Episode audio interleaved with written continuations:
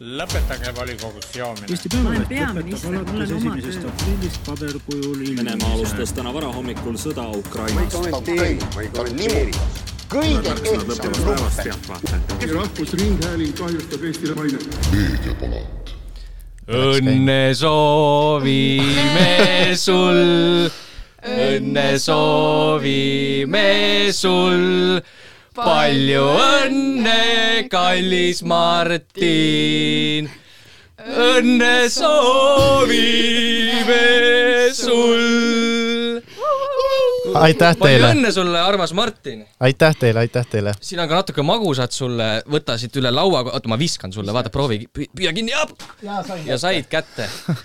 kui vanaks sa nüüd said, Martin, ütle ausalt? kakskümmend kaks. kakskümmend kaks, kas sa tunned ka ennast kahekümne kahe aastasena? ma ei tea, noh, sa küsid mu käest, kas ma tunnen ennast noorena, jah, ma tunnen ennast noorena aga kui sa täna ärkasid, siis kas tundsid, et nad noh, et näiteks selg valutab või midagi, tavaliselt on nii, et sünnipäeva hommikul ikkagi räägitakse seda, oi, täna ärkasin üles ja nüüd mul kõik liigesed juba valutavad, ma olen nii vanaks jäänud. mm. -hmm. ma panin tähele, et ma scroll isin täna hommikul Facebooki nimetissõrmega. võib-olla Oh. see on mingi märk. see on esimene märk kindlasti äh, vananemisest. jaa, aga ma tahtsin alustada hoopis teiste sõnadega seda, et äh, ma tahtsin öelda hoopis tere, sõbrad, et äh, see seostub siis sellega, et hiljuti jagas Eesti Meediaettevõtete Liit välja siis ajakirjanduse auhinnad ja peaauhinna sai siis kahe tuhande kahekümne kolmandal aastal Delfi ja Eesti Päevalehe ühistoimetuse ajakirjanik äh, Vilja Kiisler ja tema oma saateid alati äh, selliste sõnadega alustab, nii et igati kohane tervitus siia algusesse. aga mainiks veel ära, et seal tegelikult jagati päris palju auhindu, aga parima uudisauhinna sai siis äh, Merilin Pärli äh, mullu siis augustis ERR-is ilmunud äh, lugude eest, mis siis puudutasid meie ülikooli ja ühte teatud sihtkapitali, ehk siis Pere Sihtkapitali uuringu jaoks küsitud andmeid. nii et Tartu Ülikooli lippu hoitakse igal juhul kõrgel. minul on väga hea meel tagasi olla ja kolmas hooaeg on hoogsalt algamas ja täna on meil külas siis äh, Maria-Johanna Vompa tervist! Ja Agneta Pukk. tere! ja no muidugi mikrofoni ees on ikka nagu alati Christopher Muraveski, ütlen, ütlen sulle ka tere! tere, Martin! ja räägimegi siis täna teemadest, mis siin pika pausi ajal on nagu silma jäänud. esimese teemana võtame ette siis Kremli lekked, mis on siis äh, Delfi meedia uuriva ajakirjanduse viimase aja niisugune suur saavutus.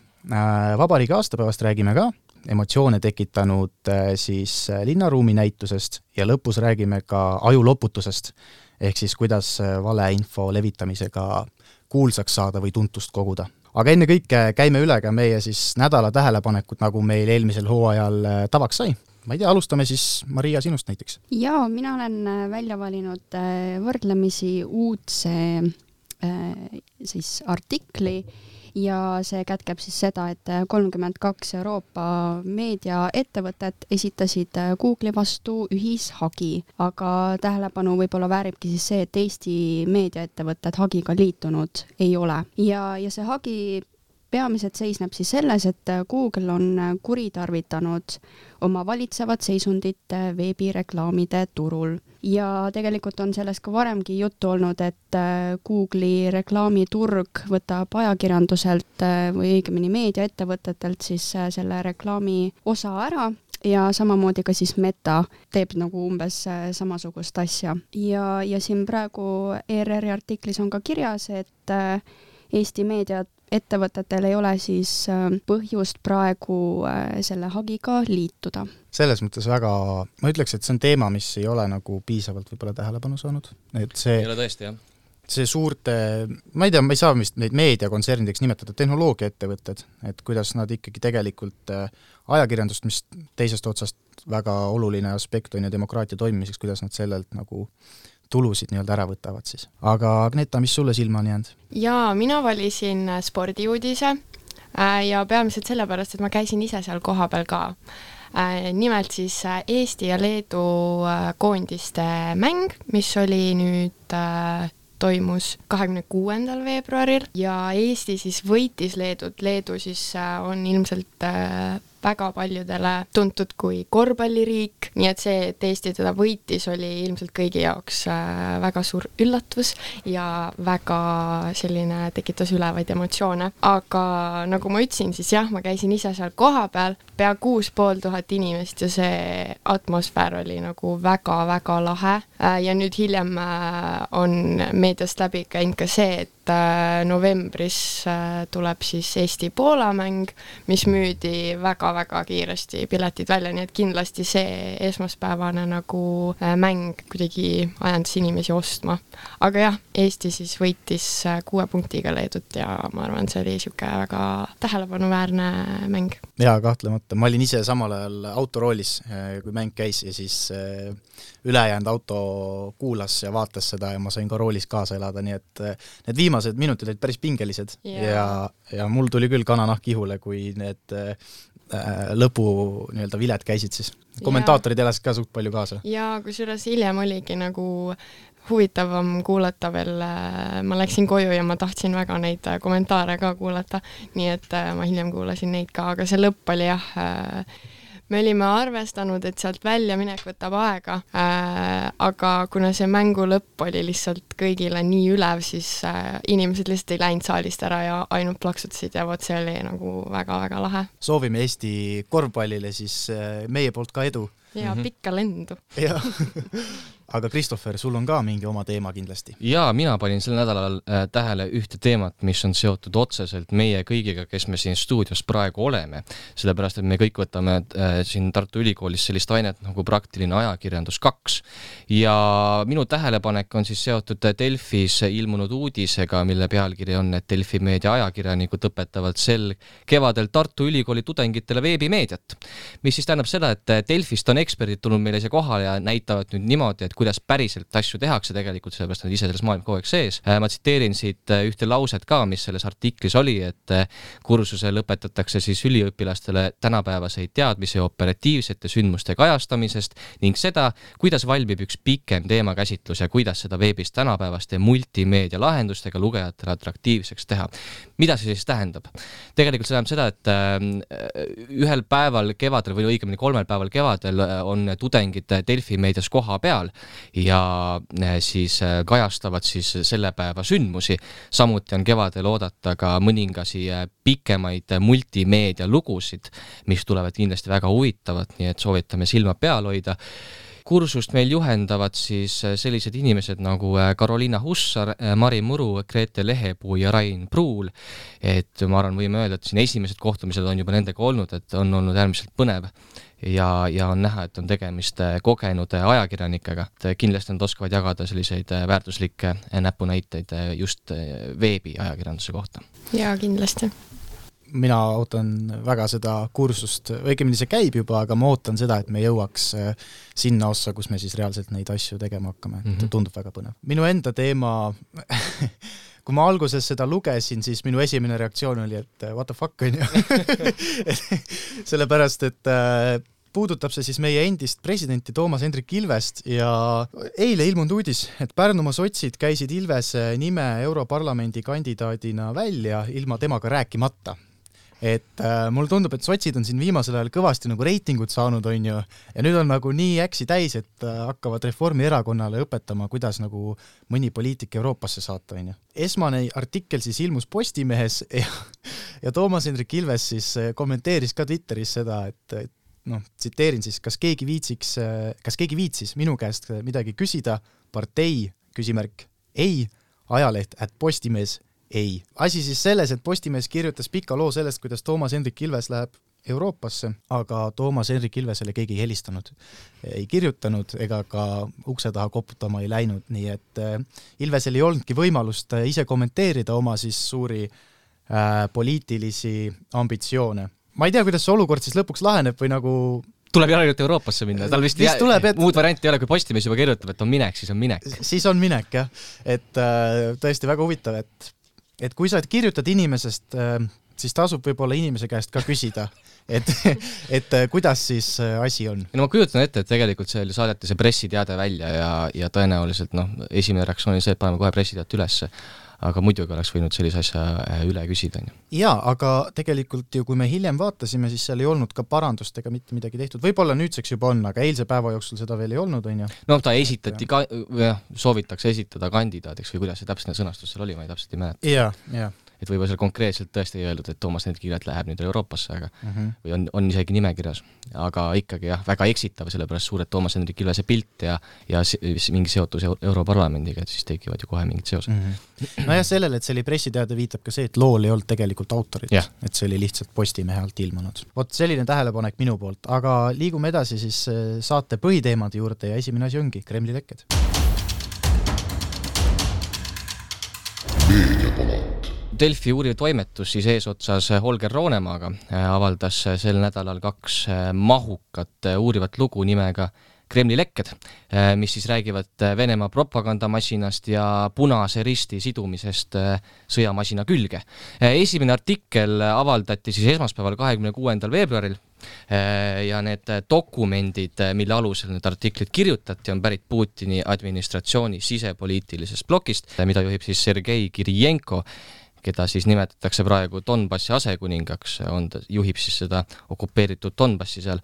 ja, ja dokumentides tegelikult plaanitakse seal Vene Föderatsiooni tänavust aastaeelarvet ja koosnevad need dokumendid siis kolmest plokist, üks on presidendivalimised, teine on siis informatsioonilis-ideoloogiline sõda ja kolmas on siis need uued nii-öelda piirkonnad, mis on siis Donetsk, Luhansk, Herson ja Zaporižja. ja noh, siin on ka osad äh, tuntumad äh, nimed saavad ka siit äh, riigieelarvest raha, et näiteks tuntuim propagandist Vladimir Solovjov sai Äh, siis mullu viisteist miljonit eurot ja tänavuseks nä-, nähakse talle ette kolmkümmend miljonit eurot, millega kaasneb ka see, et ta kohtub Putiniga.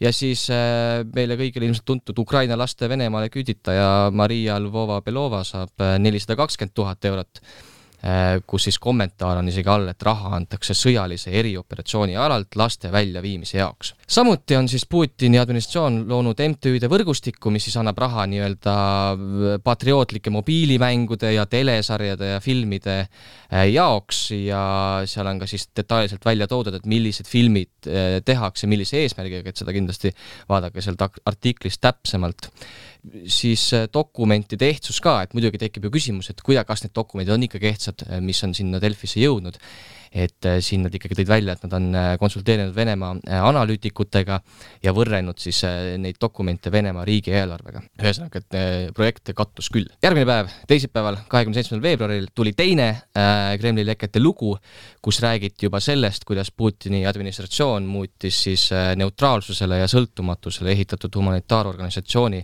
Punase Risti osaks propagandasüsteemist et seal saate ka siis täpsemalt lugeda, et, et kuidas see, kuidas see kõik seal toimus ja ja sellel oli ka otsene tagajärg, ehk siis rahvusvaheliselt hakatakse Venemaa Punase Risti äh, tegevust siis äh, uurima. et selles mõttes äh, väga väga üllatav, et meil Eestis tehakse tegelikult väga kvaliteetset uurivat ajakirjandusest, et kas teile tuli see, tulid need Kremli lekked nii-öelda üllatusena? no selles mõttes üllatusena, et et noh, ma vaatan ja loen ja ma ei imesta mm, -hmm. aga ma tahaksin öelda, et see on nagu selles mõttes ülimalt tänuväärne töö, et sellised asjad tuuakse päriselt inimeste ette. ma kujutan ette, et väga paljudel ei ole õrna aimugi, et sellised asjad nagu juhtuvad seal või et see süsteem on lihtsalt nii korrumpeerunud mm -hmm. ja, ja noh, nagu sa ütlesid, millistel ettekäänetel seda raha nagu väljastatakse, tõepoolest inimesed nagu päriselt võiksid lugeda neid asju. ja ma lisaks ka võib-olla seda, et see näitab äh, ka Eesti nagu uuriva ajakirjanduse kvaliteeti, et noh, ongi näiteks, kuidas kõik need dokumendid, mis siis ju enne, kui nad üldse avaldatakse mingitki moodi, on ju nii kontrollitud, et vaat need on päriselt äh,, klapivad, on ju mingid äh,, ongi eelarvetega, mis iganes muude asjadega, et äh, see näitab ka seda, et tegelikult Eesti meediat äh, saab usaldada ja et see on kvaliteetne. no selles mõttes, et äh, eks äh, Martin Laine ja Holger Roonemaa on ju pikka aega väga head ajakirjandust teinud mm, -hmm. aga minul on niisugune tunne, et see Kremli lekked on nagu midagi suuremat, kui senimaani võib-olla olnud on. et kui mõelda üldse nagu selle peale, et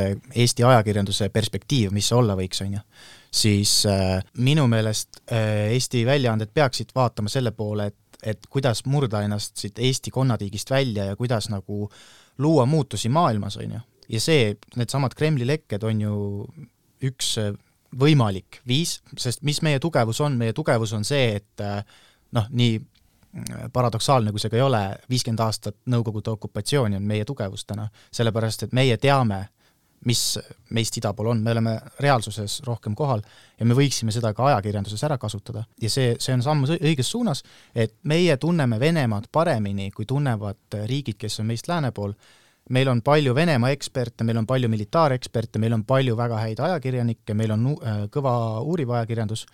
Ja selle kõige koostöös võikski äh, siis ka tulevikus selliseid Kremli lekete laadseid asju nagu ilmuda. ja ma ütleks, et ühiskondlikust perspektiivist, noh, kui ma selle artikli ette võtsin, siis ma lugesin, et äh, Kreml, Kreml päriselt nimetab seda infosõjaks ja infosõda, sõda on nagu selline termin, millele on väga keeruline nagu ühtset definitsiooni anda, see on väga segane, et inimesed isegi ei tea, et selline asi nagu infosõda on päriselt osa sõjast. Ja nagu nüüd, kui me sellest teemast veel rohkem räägime, siis äh, ühesõnaga, et kui, kui räägitakse sellest, et infosõda äh, on päriselt eksisteeriv asi ja osa sõjast, siis see võiks avardada ka inimeste silmapiiri ja panna neid nagu paremini mõistma, et sõda ei tähenda ainult seda, et äh, maju pommitatakse ja, ja et inimesed nagu noh, et tuleb päriselt nagu invasioon. et äh, see infosõda on nii peenelt äh, meile ette näidatud, aga me ei oska seda näha ja, ja ma tõesti nagu loodan, kui inimesed lo-, loevad seda artiklit, siis nad saavad ka mingisuguseid äh, nagu paremaid elemente näha sellest loost, mis aitavad neil edaspidi aru saada, kui tegemist on mingisuguse informatsiooniga, mis päriselt kuulub nagu sõjategevuse alla. olgu see siis nagu klassikaline propaganda, mida me kõik loeme ja näeme ja enamasti teatakse ka selle terminit, selles ühiskondlikust perspektiivist on ka see ka nagu ülimalt oluline see välja tuua. ja nende artiklite puhul, eks ju, oli ju see, et et see infosõda, noh, me teame, et see on suunatud ka meile siia Euroopasse igale poole, aga et just oma inimeste vastu, eks ju, et siin on kindlasti oluline osa ju see, et, et see info, mida meie teame nende dokumentide põhjal, jõuaks ka sinna Venemaale ja kuidas seda teha. Holger Roonemaa või noh, terve Delfi, jah, Holger Roonemaa siis äh, eesotsas Delfi uuriva toimetusega teevad ju koostööd erinevate väljaannetega. et siin on äh, koostöö Rootsi ajalehe Ekspresseniga, äh, ka igalt poolt, noh, Kesk-Euroopast, Poolast äh,, Äh, Austriast, äh, Šveitsist ja ka Venemaalt, ehk siis Venemaa sõltumatud välja, väljaanded Medusa ja iStories. ehk siis sama äh, uuriv, uurivad artiklid, et nad jõuaksid ka Venemaale ja Venemaa inimesteni, sellepärast et see on otseselt nendega, ehk see infosõda on suunatud ju nende pihta mm. -hmm. väga huvitav, kui palju vene inimesi päriselt saavad ligipääsu sellele materjalile, selles mõttes, et nagu olgu ta siis vahendatult, noh, niisama nagu otse muidugi ei, ei saa ja, ja kui palju see inimestele päriselt korda läheb seal Venemaal, et me ju teame, et seal käib nagu kõva propaganda, et kui ma eeldan muidugi, et kui nad seda loevad, siis nad vaatavad, et okei okay,, see on propaganda lääne poolt. tõenäoliselt niimoodi äh, pro-Putinit mõtlevadki, on ju ja sinna selles mõttes ei ole midagi teha, et, et niikaua, kuni see süsteem neil seal niimoodi toimib, nagu neil praegu toimib ja, ja suuremaid rahutusi esiteks ei saagi teha, siis, siis tõenäoliselt äh, nende mõtte, mõtteviisi nii kergesti muuta ei saagi, aga vähemalt peab proovima ja vähemalt on nüüd Euroopa inimestelegi mingisugust kindlust või lääne inimestel, et et tegelikult ka nagu seda propagandat tehakse seal reaalselt ja sellel on, selle kohta on dokumendid. jah, aga mis on teinud võimalikuks selle, et me saame rääkida sellisest asjast nagu Kremli lekked, on ju, see on koostöö. ehk siis erinevad väljaanded mm -hmm. erinevatest riikidest teevad äh, koostööd ja tegelikult mina väidan, et koostöös peitubki edu võti. et äh, ei ole niisugust asja, et iga toimetus omaette nokitseb, on ju, kuidas peaks üks, äh, ma ei tea, Eesti, isegi Rootsi või Saksamaa toimetus omaette noksi-, nokitsedes saama vastu äh, üle saja miljoni elanikuga riigi propagandamasinale, on ju. jah, meie eesmärk ei ole teha propagandat, meie eesmärk on tuua tõde päevavalgele, on ju, aga see, see saabki toimuda läbi selle, et, et siis ajakirjanduslikud väljaanded teevad koostööd, et kummutada seda, mida propagandistlikud siis väljaanded levitavad. ja selles kontekstis ma võib-olla ütlen revolutsioonilise lause, aga ma pigem nimetaks tänapäeva ajakirjanikke mitte ajakirjanikeks, vaid infotöötajateks. et sa oled, sina tegeled info filtreerimise ja edastamisega järjest rohkem, allikakriitilisus ja seda sa nagu õpetad ka oma auditooriumile, kuidas olla allikakriitiline, kuidas valida see info ja no uuriv ajakirjandus on väga palju ju info sõelumine ja otsimine ja erinevate punktide kokkuvedamine. et äh, sa pead selleks, et selleks, sellest tekiks mingi tervik, sa pead väga palju tööd tegema. võib-olla peaks seda rolli nagu rohkem tähtsustama ja, ja see, sealt peaks tulema ka koostöö, aga Eestis ma ei näe nagu kuskil seda koostööd, et äh, meediamajad on pigem kapseldunud, võtame näiteks Postimees versus Delfi, on ju, seal ei toimu nagu praktiliselt mitte mingisugust koostööd. ma ütleks, et selle koostööga meie võib-olla nüüd oma praktilise ajakirjanduse teise osaga saame enda selle suure looga, mis me tegema hakkame, ka seda tegelikult äh, proovida, uurida erinevaid, ma ei tea, dokumente või registreid ja viia mingeid seoseid omavahel kokku, et see on tegelikult äh, meie nii-öelda mingi alguspunkt et kunagi seda edasi viia. ma arvan, kõige võib-olla isegi väga hästi ilmestab seda meie Eesti meediamajade koostöövõimekust see, et näiteks äh, kui me räägime näiteks tsitaatide kasutamisest, siis on kindel piirang, kui mitu lauset sa võid kuskilt meediamajast võtta, on ju. et tegelikult sellest koostöö teemast nüüd käis esmaspäeval Roonemaa ja Lainega äh, rääkimas äh, sellises raadiosaates nagu Olukorrast ajakirjanduses, kus nad tegelikult tõid ka välja, rääkisid alguses sellest enda kogemusest, milline on nende koostöö välisväljaannetega, kuidas neil on tekkinud selline Äh, usaldusel põhinev võrgustik, äh, jah, seal on tõesti usaldus vahepeal ka kuritarvitatud, kas tahtlikult või mitte, aga et äh, see on usaldusel põhinev ja tõi Roonemaa tõi välja selle, et seekord pakume meie midagi, aga järgmine kord pakuvad ju nemad meile midagi, et kui praegu on meil need Kremli lekked, mida siis noh, meie pakume nagu teistele väljaannetele avaldamiseks, järgmine kord mõni teine väljaanne teeb midagi Euroopas, siis nad pakuvad meile seda avaldamiseks. et see koostöö on äärmiselt oluline. Eestis me näeme väga tugevat killustatust Eesti meediamaastikul et sellist äh, koostööd peaaegu ei tehtagi. et noh, minu jaoks juba oligi tegelikult see üllatav, et Roonemaa Laine seal Kuku raadios rääkimas käis, sest Kuku raadio kuulub Postimees Grupi alla, onju. Mhm. et siis äh, nagu Rein Lang ja Väino Koorberg juba alguses ütlesid, et tulite siia karukoopasse, onju. et, et tegelikult seda, seda on tunda, seda pinget on tunda kogu aeg meediamajade vahel, tahetakse üksteisele kogu aeg ära teha, aga nagu nende Kremli lekete puhul ka selgub, et tegelikult koostöös peitub see võlu. aga huvitav, ma ei tea, kas teie nagu teate, kui palju näiteks ajakirjanikud erinevate meediamajade vahel nagu liiguvad, a la ma töötan Postimehes ajakirjanikuna ja siis mingi hetk hiljem liigun Delfisse. kas see nagu, kas seda tehakse või see on ka juba pigem see, et kui ma ühes meediamajas olen, siis äh, väga ei minda mujale? vist väga ei minda, viimati mindi äh, massiliselt siis, kui Postimehes need probleemid olid, eks ju, siis läksid mm. väga paljud Delfisse.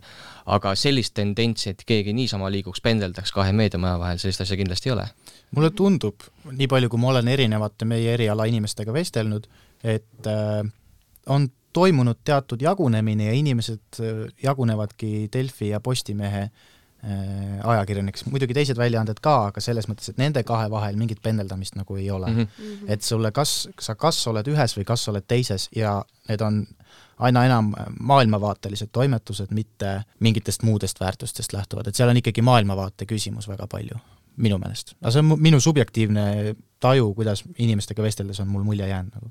sellest äh, saatest äh, Olukorrast ajakirjanduses mulle jäi äh, kõlama see mõte, et koostöö eesmärk võiks olla see, et info jõuaks võimalikult paljude inimesteni. et see on hästi oluline just eriti siis, kui on mingisugune suur teema, mis ei puuduta võib-olla ainult meie Eestit, vaid ka äh, üle maailma mingisuguseid erinevaid asju, et kui ma olengi Delfi meedia ostnud endale, siis ma ei pea kartma, et ma jään ilma mingisugusest väga olulisest informatsioonist, sellepärast et ainult Postimees seda kajastab.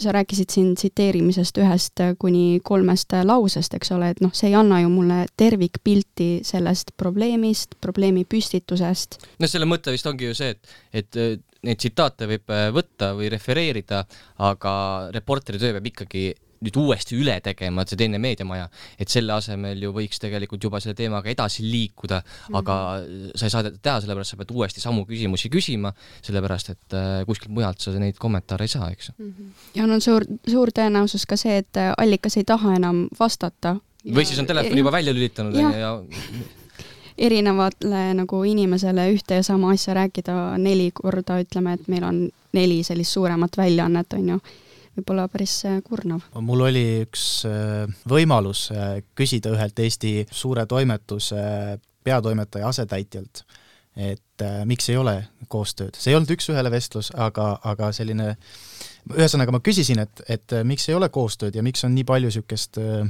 omaette tegemist ja konkureerimist nagu negatiivses võtmes. tema vastus oli, see ei olnud sõna-sõnalt vastus, aga oli see, et see oleks ju kommunism, kui me teeks koostööd et, et mis koostööst me saame siin rääkida, me oleme konkurendid ja meie eesmärk on noh, kasumit teenida, on ju. et ma arvan, see võtab nagu suht hästi selle kokku, et ei, ei suudeta näha kaugemale sellest, et jaa, ettevõtte eesmärk on kasumit teenida, absoluutselt, aga te olete ajakirjanduslik väljaanne, teil on ka mingi suurem eesmärk ja see ei tähenda seda, et te annate oma ärieelised konkurendile, aga tehke nagu koostööd, kus on win-win. Te ei pea igas asjas koostööd tegema aga tehke kuskilgi, et me saaks Eesti ajakirjanduse tervikuna suuremaks äh, teha, et konkurent ei ole ju tegelikult või põhikonkurent ei ole mitte teine meediamaja, vaid põhi, põhikonkurent asub teisel pool ookeani. Need on äh, Facebook, Google äh, ja mis iganes, on ju et nendega peaksite konkureerima ja te peaksite välja mõtlema, kuidas te suudate oma ärimudelit kasumlikuks muuta Äh, või, või veel rohkem kasuliku, kasumlikuks muuta, kuidas te suudate nagu reklaamitulud tagasi Eestisse tuua. see on teie kõige suurem probleem, mitte see, et keegi kirjutas teist kaks minutit varem mingisuguse uudisnupu. no samas äh, selline konkurents on alati positiivne ka mingil määral. ei, absoluutselt. et me ei saa ainult ilma selleta ja sellest, selle kommunismi tsitaadi puhul ju tegelikult noh, kui olekski võib-olla tõesti, kui oleks see, et ma võin võtta, ühesõnaga Delfi meedia on ju, kopeerib kõike näiteks Postimehest on ju, või vastupidi, et, et siis nagu ei peakski mingid reporterid ise tegema, et see on ka nagu samas äh, samas nagu ju arusaadav, et võib-olla tõesti nii-öelda täielikult niimoodi kopeerimist ei saa olla. me räägime koostööst, mis koostöö ei, ei pea eeldama seda, et kõike maha kopeeritakse, vaid seda, et ajakirjanikud teevad omavahel mingisugust koostööd, toimub mingi vestlus, aga praegu on, kuna see kõik on niivõrd killustatud, siis tihtipeale see on peaaegu et võimatu. ühendage oma tugevused ja kõnetage suuremat auditooriumi. teine palju kõneainet tekitanud teema on vabariigi aastapäev kahjuks sellel päeval on ka teine tähendus ja, ja teine aastapäev, aga keskendume siiski vabariigi aastapäevale ja ajakirjandus tundis väga suurt huvi selle vastu, et eh, kuidas eh, tähistab vabariigi aastapäeva meie peaminister Kaja Kallas. Ja sellel teemal eh, tuli, see teema tuli jutuks isegi valitsuse pressikonverentsil kus siis äh, Delfi ajakirjanik väga konkreetselt küsis, et äh, miks te siis ei lähe ja et äh, mis te siis teete. ja Kaja Kallas, noh, selgelt oli näha, et emotsioon muutus. Võiks isegi öelda, et tekkis kerge ärritus, et miks tema kallal nii palju nokitakse ja kogu aeg küsitakse, et ikka veel te küsite mu käest, et miks ma ei lähe ja mida ma teen. Ja tegelikult ju hiljem ilmus ka mm, mitu lugu siis sellest, ütleme enne ja pärast siis, et Kaja Kallas oli broneerinud äh, mingisuguses restoranis äh, laua ja hiljem siis selle tühistanud, et kardeti, et siis tullakse kohale ja tehakse jälle mingi äh, rumal artikkel. aga ma ei tea, mida, mida teie nagu arvate sellest, et kas ajakirjandus on läinud siis üle piiri või ei ole? kas liiga palju pööratakse tähelepanu või mitte? selle lähedastega koosviibimine või mis tal perega koosviibimine plaanis oli seal Tuljaku restoranis, et et see on tõesti küsitav, et kas sellist asja oleks pidanud Ekspress avaldama. et, et mis see Kallas täpsemalt kavatseb pere või lähedaste keskel teha, et muidugi avalik huvi Kallase puhul kehtib ja muidugi on õige küsida, kui ta, kui ta ütleb, et ma ei lähe presidendi vastuvõtule, mina kui peaminister, siis on muidugi õigustatud küsida, et miks te ei lähe, aga, aga see, et et kus ta, kus ta viibib, kas perekeskis või, või niimoodi, et et selle puhul on tõesti kaheldav, et kas see oli vajalik ikkagi, et et ma saaks aru, kui see oleks mingisugune pidu, mis on tehtud mingi maksumaksja raha eest, mingisugune kokkusaamine või midagi taolist, aga see ei olnud, see oli eraviisiline, see plaan nii-öelda. Et see on tõesti küsitav see, et kas, kas seda oleks pidanud avaldama või mitte mm,. ma nõustun äh, just selle punktiga, et jah, inimestel kindlasti on avalik huvi äh, selle vastu, kui peaminister meil ei lähe, on ju, presidendi vastuvõtule, et miks ta ei lähe, mis ta siis teeb, aga tõesti, et kui Kallas on otsustanud, et ta veedab selle pereringis, pereringis see juba minu jaoks nagu ütlebki seda, et äh, ma ei taha, et see oleks äh, mingi avalik äh,, siis tõesti, et nagu kas on oluline seda kõigile öelda, et kus ta siis täpselt on, on ju? vana hea küsimus, et kust läheb piir avaliku huvi ja isikliku uudishimu vahel. kroonikast, kui, kui, kui selline lugu seal ilmub, siis noh, mingil määral on see nagu ju arusaadav, kui teada seda tausta, et ta on otsustanud mitte minna presidendi vastuvõtule, aga no tõepoolest, võib-olla, võib-olla ikkagi ei, ei peaks nagu selliseid äh, detaile või mitte õigemini detaile, aga sellist lugu nüüd avalikkuse ette tooma, just eriti nagu äh, mõeldes selle peale, et meil on tähtsamaid asju, mida kajastada mm. -hmm. võib-olla see kroonikas ju võib-olla nii suure üllatusega ei tulegi, sellepärast et äh, kollane väljaanne, kollane väljaanne ikkagi, et et äh, seal tõesti inimesi huvitab, mida keegi äh, nii-öelda tuntud inimene kuskil teeb, kas või on see sõprade selts või midagi, et nagu seal see julgeolekuärimees Jaanus Rahumägi ütles, et istusime ikka ja võtsime viina ja sõime kiluvõileibu, aga mingit pidulikumat pidu ei olnud. et noh, omamoodi meelelahutus, eks ju. aga tegelikult see küsimus ei tulnud ju tühja koha pealt, et äh, miks selline küsimus üldse oli võimalik esitada, oli see, et Kaja Kallas ju ise väga demonstratiivselt ütles, et ta ei lähe presidendi vastuvõtule. minu meelest selles konfliktis ikkagi ei olnud küsimus mitte Kaja Kallase isikus, et noh, et vaid küsimus oli selles, et ta haakis ennast suurema konflikti taha, mis oli siis Riigikogu versus president, on ju.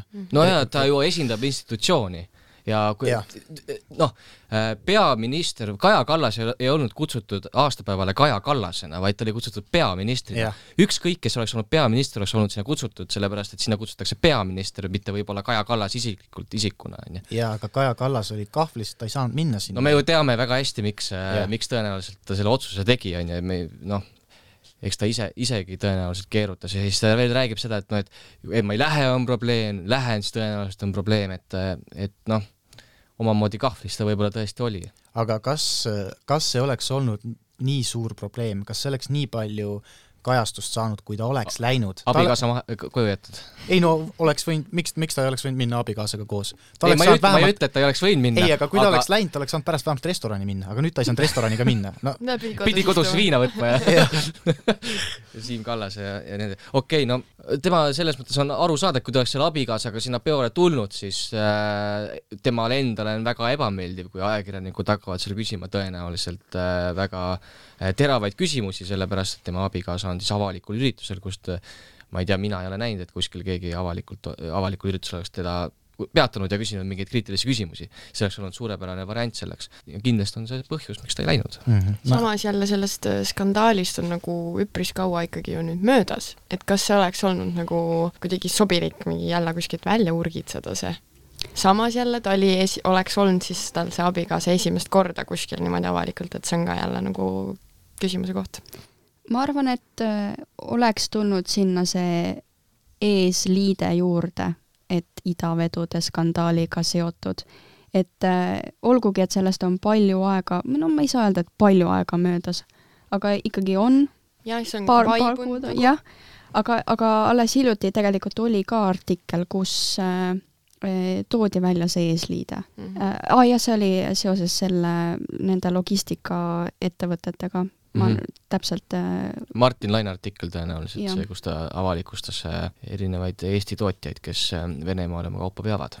no ma ei oska sellest Kaja Kallasest võib selles mõttes kahju olla ikka, et noh, et presidendi vastuvõtule noh, ta ei saanud minna, sellepärast et tõenäoliselt oleks hakatud küsima mingeid küsimusi. no ma ütleks, et see on ebamugav olukord, aga ma ei ole nõus sellega, mida Kaja Kallas väidab, et, et ajakirjandus kiusab teda lõpuni mm. -hmm. sellepärast, et peaministrina tal on väga suur vastutus ja tal on ka väga suur usaldus, ta sai ju Eesti rahva poolt nagu tohutult suure usalduse nagu valimistel, valimistel. Mm -hmm.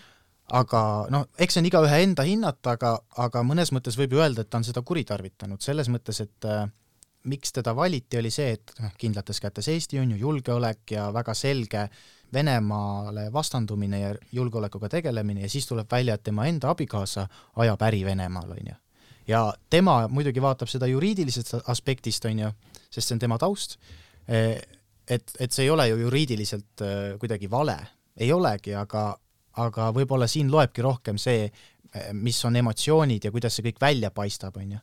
ja selles kontekstis, noh, Postimees ju võttis väga konkreetse sõn-, seisukoha juba skandaali alguses, et Kaja Kallas peaks tagasi astuma, seda kõik, kõik päevalehed võtsid? jah, ja seda ju väljendab ka see, et neil oli ju see countdown, mis luges maha seal, et skandaali algusest, ma ei tea, kas see on siiamaani ei, see võeti maha. võeti maha, okei. Okay hiljem ümber sõnastada seda oleks ju ka imelik, et tegelikult äh, ei, me ei saa ju lasta sellel ka juhtuda, et vastutusest pääseb sellega, kui sa lihtsalt äh, piisavalt kaua nagu äh, sirge näoga lihtsalt edasi kõnnid, on ju, et sind ei huvita see, et et sa oled teinud võib-olla midagi, mida paljud peavad ebaeetiliseks. isegi kui see on seaduslikult õige, et võib-olla ajakirjandus siin nagu kaitsebki seda õiglustunnet, mis inimestel on, et kui, kui nüüd ajakirjandus võtaks selle seisukoha, et okei okay,, tegelikult on kõik okei okay,, et me ei puuduta üldse enam seda ja me ei küsi ühtegi kriitilist küsimust sellel, sellel teemal, siis ju oleks teistpidi jama, et, et noh, miks, meil see ajakirjandus siis üldse on, kui, kui me nagu ei kutsu korrale inimesi, kellel on nagu käes suur võim, on ju ma arvan, et me läheme praegu liiga süvitsi sellega, et mhm. mõte on selles tegelikult, et Kaja Kallas ei läinud sinna vastuvõtule ja ma arvan, et see põhjus on hoopiski tõenäoliselt selles, et äh, me juba ajaloost teame, presidentide kõned on niivõrd igavad, et tõenäoliselt ta lihtsalt, ta ei viitsinud minna, see on noh, nii, niivõrd igav, me näeme iga kord, kui president peab kõnet aasta, see aastavahetusel, aastapäeval ja siis ERR näitab muidugi saalis neid magavaid poliitikuid. et äh, tõenäoliselt Kaja Kallas kaalutles ka seda, et, äh, et tõenäoliselt on seal niivõrd igav, et ma ei hakka nagu kohale minema. aga mõnes mõttes ikkagi võiks mingil määral kehtida see lause, et seisus kohustab. et ja. on mingisugused asjad, mida lihtsalt peab tegema lähtuvalt sellest, milline on sinu ametikoht. Ja mitte nagu sellest, milline sa inimesena oled või mida sina oma isiklikus plaanis teha tahaksid. ilmselt me seda teemat nagu lõpuni lahti ei suuda lahata, on ju. aga kiirelt võib-olla siia lõppu, enne kui me järgmise teema juurde lähme, tegelikult oli ka üks teine isiksus, kellele vabariigi aastapäev väga-väga südamelähedane on, vähemalt nii võib ta sõnadest välja lugeda. no te võite pakkuda, kes see on? Keegi, keda ei olnud kutsutud? jaa, no see üritus, mille kontekstis ta räägib, sinna oli äh, igaüks kutsutud, aga ah, tegu on Varro Vooglaiuga. ja meil on uus skandaal Varro Vooglaid versus Nublu. ja Varro Vooglaid siis äh, heidab ette, et äh, süvariik on võtnud üle. ja see on täitsa tõsine mure temal, et äh, vabariigi aastapäeva järelpidu siis Kultuurikatlas, kus Nublu äh, esines mm, -hmm. seal siis äh, tegelikult vist oli samal õhtul ka Instagramis võis näha, kus Nublu oli siis äh, kõrgete poliitikutega koos seal äh, õhtut nautimas ja, ja siis Varro Vooglaid äh, postitaski Facebooki ja ma tsiteeriks natuke, sest et see on väga värvikas kirjeldus sellest, kui suur on Eesti süvariik. pilt on tehtud, tsiteerin siis, pilt on tehtud kahekümne neljanda veebruari õhtul, mil, caps lock'is, riigi peaprokurör läks pärast presidendi vastuvõttu koos sotside juhi, Eesti kahesaja juhi ning teiste sotside ja Eesti kahesaja juhtivpoliitikutega pidu panema. Mõni, mõni ime, et näiteks Slava Ukraini menetlus ei liigu prokuratuuris kuidagi edasi, kui seltskond on omavahel nii lähedastes suhetes ja läbi kasvanud. ehk siis äh, noh, pildi peal võibki näha frakkides äh, härrasmehi, sealhulgas ka riigiprokurör äh, Andres Parmas kes siis poseerib pildil koos tipp-poliitikutega. kui rääkida ajakirjandusest, siis EPL-is on väga huvitav ülevaade sellest, milliseid demagoogiavõtteid Varro Vooglaid kasutab ja kuidas ta on neid oma isalt, isa võtted nii-öelda üle võtnud, nii et võite neid ka vaadata ja ja võite ka Varro postituse üle lugeda, saate teada nii mõndagi Eesti riigi kohta. aga Nublu tegelikult vastas ka Varrole vastas küll, jah. vastas ja mis ta siis vastas, et, et aastapäev Äftekas oligi mõeldud Äftekana kõigile, noh, et vahet ei ole, kes, kas, kas keegi tuli vastuvõtult või otse kodust, seltskond oli kirju, ütleks isegi, et paras läbilõige ühiskonnast. ja üllatusena siis, ma tsiteerin, ainuke teema, mida isegi sõnaga tol õhtul ei puudutatud, oli poliitika. elagu Eesti. tegelikult on ju positiivne, et Nublu suutis äh, äh, nii-öelda ühte ruumi kokku panna prokuröri ja, ja poliitikud ja noh, et see on ka omamoodi, omamoodi saavutus. ja kõik ja. tavakodanikud, kes tulid ja, kontserdile. ja Vooglaid lihtsalt sülitab selle peale, uskumatu.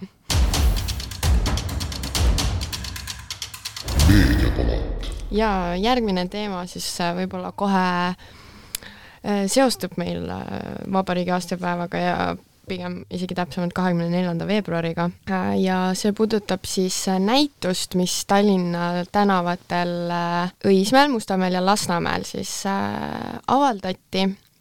selle nimi on Hetk üheksateist veebruar siis see avalikuks läks ja see on väga palju poleemikat siis äh, inimestes tekitanud, äh, kes näevad seda kui hirmutamist, kellele see väga meeldib ja tegu on siis äh, reklaamtahvlitele eksponeeritud siis nelja erineva vaatega, kus on siis näha linnapildis siis hävinenud majad.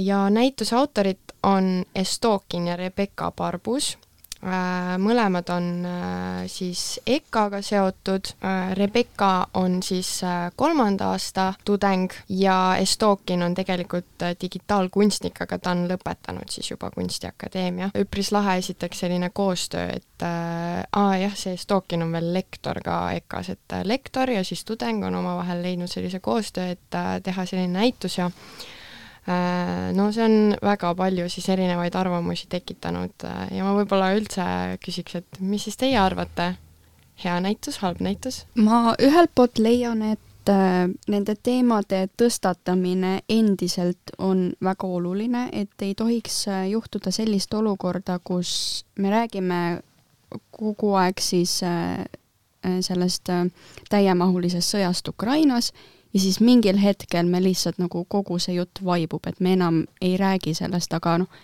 sõda endiselt kestab ja meie huvides on see, et äh, sõda lõpeks nii varakult kui võimalik. ja ma saan aru, et see ei olnud nagu otseselt selle äh, näituse eesmärk, äh, küll aga see on selles mõttes hea näitus, et see paneb inimesi mõtlema ja tõsiselt kaaluma selle üle, et me elame nagu sellisel ajastul, kus meil on endiselt sõjad ja see ei tohiks olla tegelikult normaalsus. ta võib šokeerida, aga mingil määral on selline positiivne šokeerimine vajalik. väga keeruline öelda, kas see on nagu hea näitus või halb näitus, et kunstilise poole pealt ma nagu ei oska seda kommenteerida, aga pigem nagu selle ühiskondliku mõju äh, kommenteerimisel ma siis pigem, pigem olen seda meelt, et äh, see on vajalik näitus mm. -hmm. no kunstilise poole pealt nägid väga tõetruud välja, nii et mm -hmm. väga, väga positiivne. no selle sõnumi puhul on ju, ma olen täiesti nõus sinuga äh, seda, et seda teemat peab pidevalt üleval hoidma, sellepärast et no kirjutas ka MTÜ Kriisiuuringute Keskuse kaasalgataja Anne-Mai Nagel Eesti Päevalehes seda, et vihastada tasub mitte kunsti, vaid elanikkonna kaitse seisu pärast.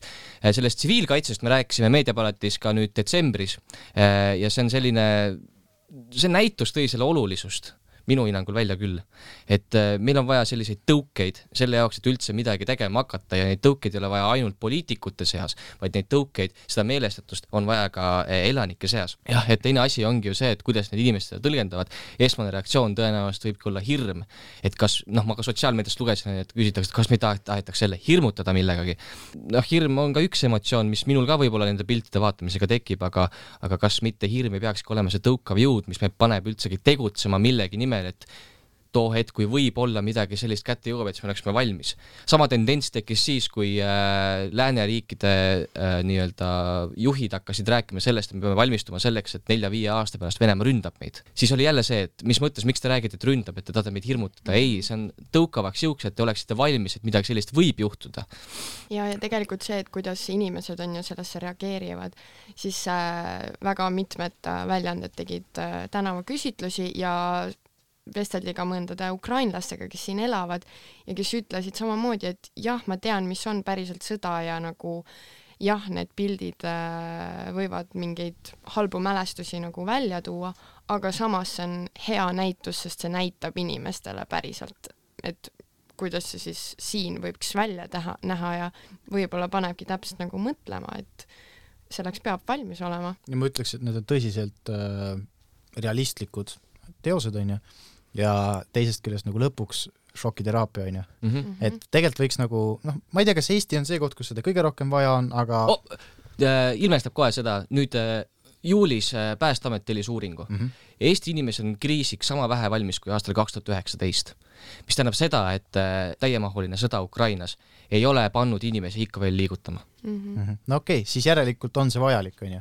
Aga tegelikult on see vajalik ka Saksamaal, Prantsusmaal, Suurbritannias, Ameerikas, Hispaanias, Itaalias, mis iganes, on ju. aga selles mõttes jaa, et kriisivalmidus ja sellele peaks nagu rohkem tähelepanu pöörama inimesed ise ka, on ju ja ajakirjandus samamoodi, et meil, meil on, mida nõuda tegelikult poliitikutelt, meil ei ole tsiviilkaitsega asjad üldse hästi ja meil puudub tegelikult adekvaatne arusaam väga suurel protsendil inimestest, et mis on nende kriisi või sõjaaja roll. ja nüüd seesama kaasus praegu näitab tegelikult seda, kuidas juba ajaloost me teame seda, aga kuidas kunst mõjutab tegelikult seda, kuidas inimesed äh, mingites kriisisituatsioonides või kuskil käituvad ja milline on nende meelestatus mm. -hmm et, et see kunst tõi kindlasti selle nagu hästi-hästi välja, et me peame hakkama tegutsema. ja kindlasti ei oleks õige see lähenemine, mida Tallinna linnavalitsuse erinevad äh, ametnikud on öelnud, et seda ei tohiks olla või et see peale, selle peaks eemaldama, et ikkagi linnavalitsus kui institutsioon ei tohiks sekkuda kunsti, kunst peab olema vaba, täpselt samamoodi nagu ajakirjandus peab olema vaba, jah, kindlasti on eetilised piirid, aga praegu võib-olla ei ole neid nagu nii väga ületatud.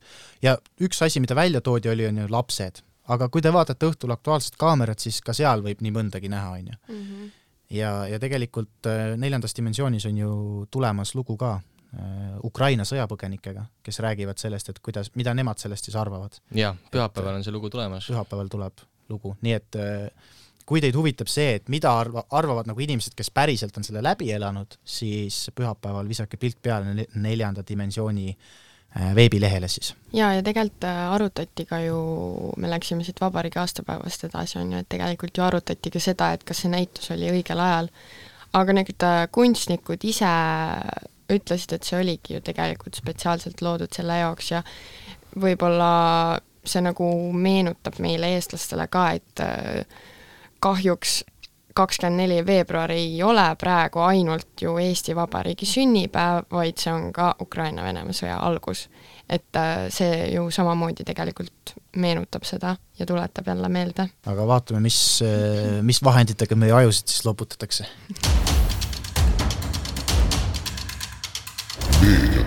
ja läheme nüüd teema juurde, mis on äh, võrreldes teiste teemadega natukene vanem ja see puudutab siis äh, sellist äh, sotsiaalmeedia rühmitust või äh, duot nimega Ajuloputus, mille taga on siis kaks noort naist, kes jagavad sotsiaalmeedias erinevaid, nad pigem on nagu sellise meemi stiilis postitused, kus räägitakse ma tahaksin öelda, et äh, valeinfot väga suurel määral.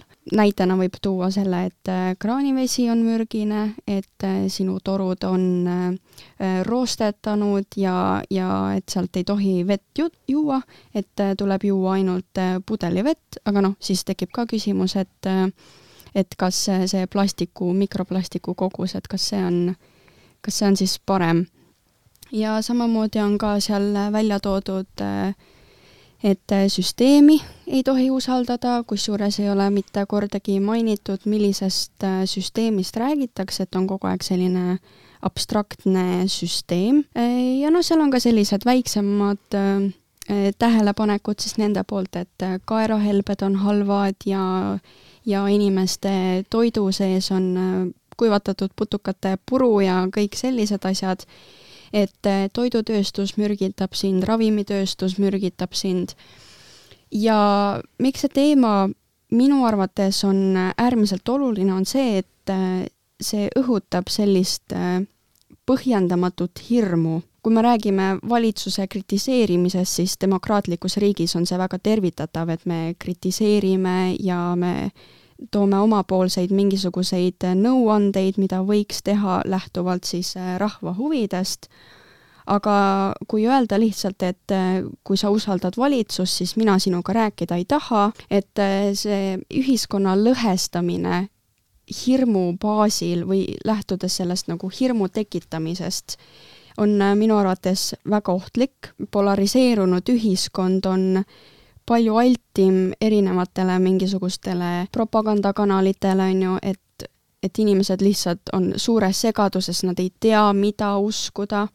nad on kahe vahel ja kui sa noh, kuuledki, et valitsus on halb ja teeb nagu, ei lähtu sinu enda huvidest, siis noh, paratamatult sa hakkad uskuma seda, kui seda tuleb lihtsalt liiga palju ja vastu nagu siis seda oponeerivat positsiooni kuskilt nagu ei näe. ja, ja samamoodi on see ohtlik ka sellepärast, et äh, nad tekitavad äh, kaja või siis äh, kõlakambreid, et inimesed on oma selles väikses kogukonnas, lasevad sisse informatsiooni ainult, mis nende olemasolevate siis eelduste ja mõtetega kokku lähevad. kui inimesed on väga tugevas sellises kajakambris, kus eh, oponeerivaid seisukohti lihtsalt meelega sisse ei lasta, et see ei ole lihtsalt see, et ma ei taha kuulata, vaid nad hoiavadki meelega nagu sellise turvavõrgu ümber, et see informatsioon lihtsalt ei pääsegi sinna läbi, siis sellised grupid on väga altid erinevatele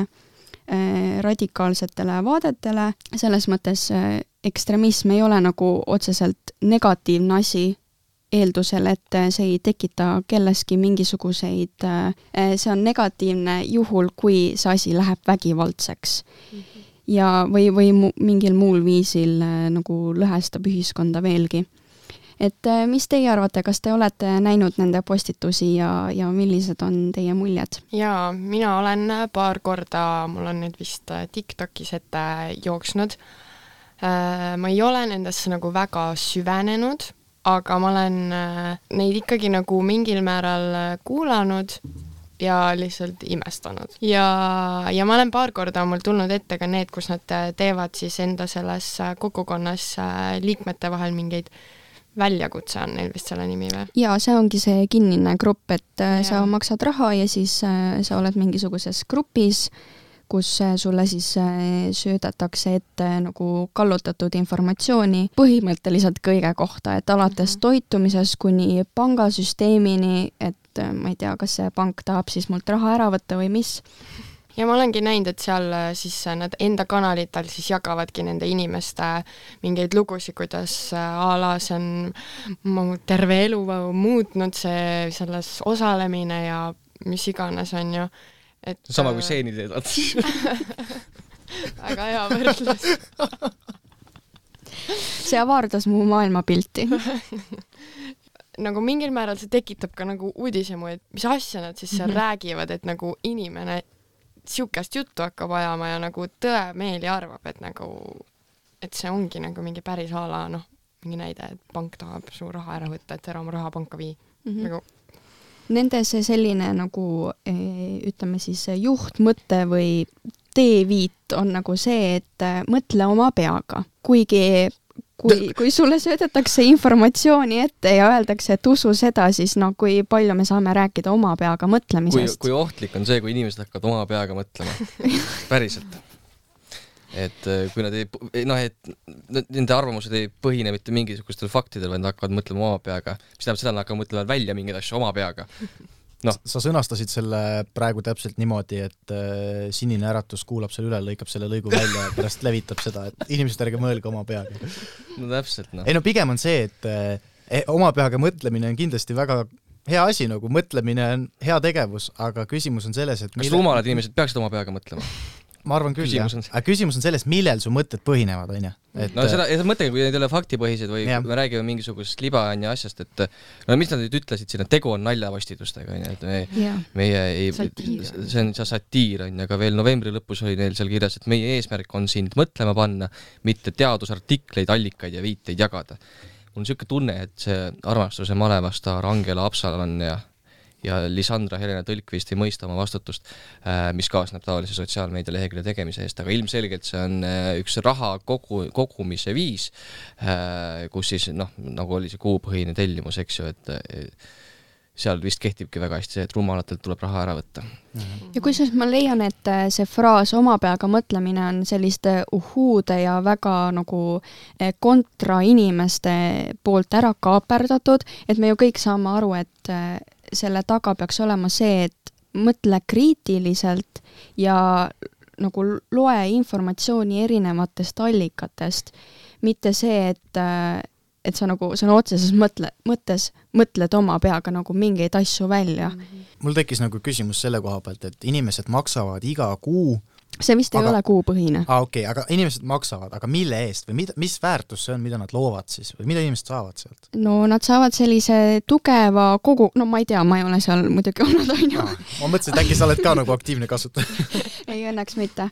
aga et eh, nad loovad sellise kogukonnatunde sulle, et eh, sul on inimesed, kes sind toetavad, kes sinuga samamoodi mõtlevad ja see ongi nagu see baas, mille pealt nad edasi nagu siis eh, oma asju teevad, et sa tead, et sul on keegi, kes mõtleb sinuga täpselt samamoodi, ta mitte kunagi ei küsi küsimusi selles mõttes, et aga mis siis, kui ongi niimoodi, on ju Äh, kuigi noh, see on täpselt seesama argument, mis nad meie vastu kasutavad.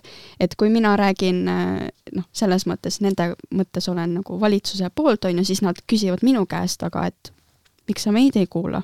et noh, see ongi selline paradoksaalne olukord, mida äh, on väga keeruline lahendada. ehk siis põhimõtteliselt osaliselt nad müüvad nagu kuuluvustunnet, nojah, no ja teadmisi ka muidugi. teadmisi. Neid, neid oma peaga mõeldud teadmisi. ja, ja teadmisi Eks- laiast maailmast. eks inimesed tahavadki vastanduda mõnikord ja ja ma arvan, et see on üks viis vastandumiseks sellest, mida meile nende sõnutsi äh, peavoolumeediasse ette söödetakse.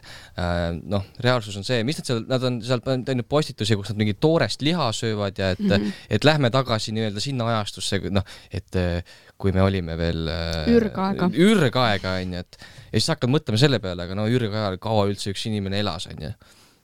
jaa, aga see ei ole oluline, ta mõtles oma peaga. ah, muidugi.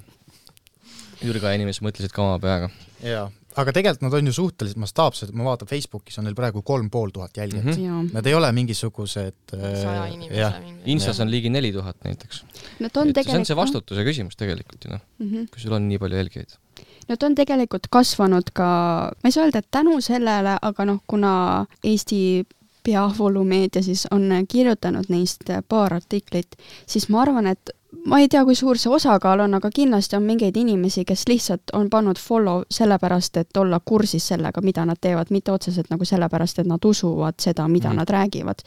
mina meelega ei ole pannud follow, ma lihtsalt kogu aeg on mul seal selle otsinguriba peal esimene, sest et Angel Haapsalu ise ütles ka, et see oli neile lihtsalt üks tore promo, see Ekspressi faktikontroll või see Ekspressi artikkel.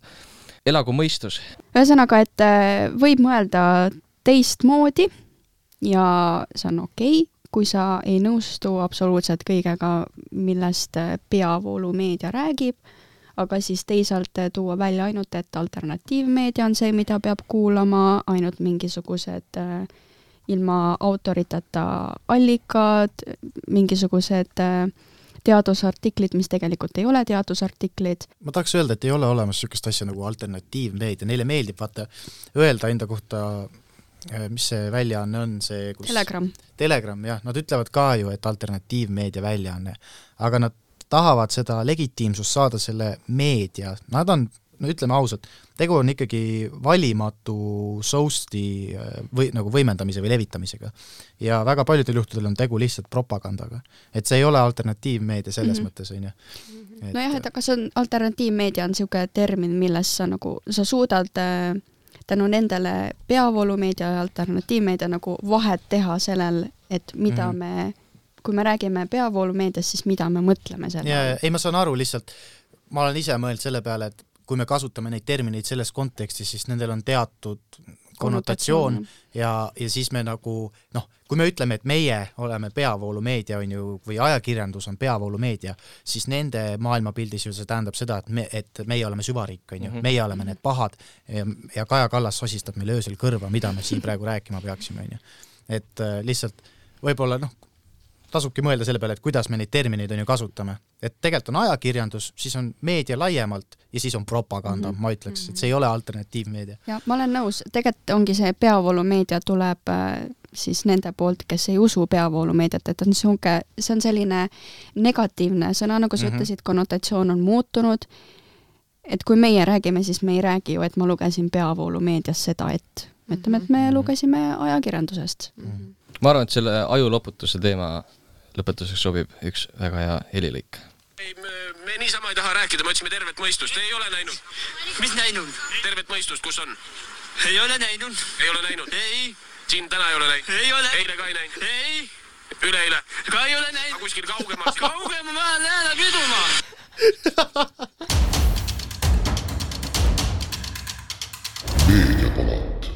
vot aga tõmbame siinkohal võib-olla joone alla, et tõesti väga huvitav vestlus oli teiega, aitäh, Agneta aitäh teile ka, väga tore oli. ja aitäh, Maria Johanna Vampa ja suur aitäh!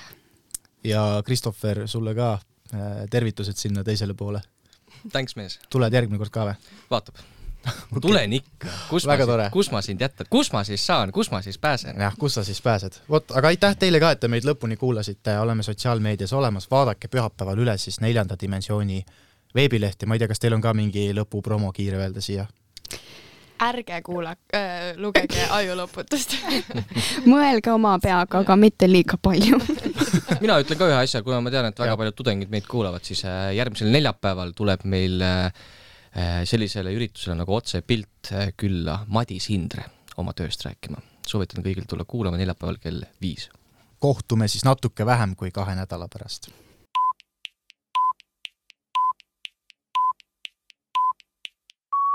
lõpetage volikogus joomine. Eesti Päevaleht lõpetab alates esimesest aprillist paberkujul Venemaa alustas täna varahommikul sõda Ukrainas. Märksõnad lõppevast päevast, jah, vaatajad. rahvusringhääling kahjustab Eestile mainet. meediapala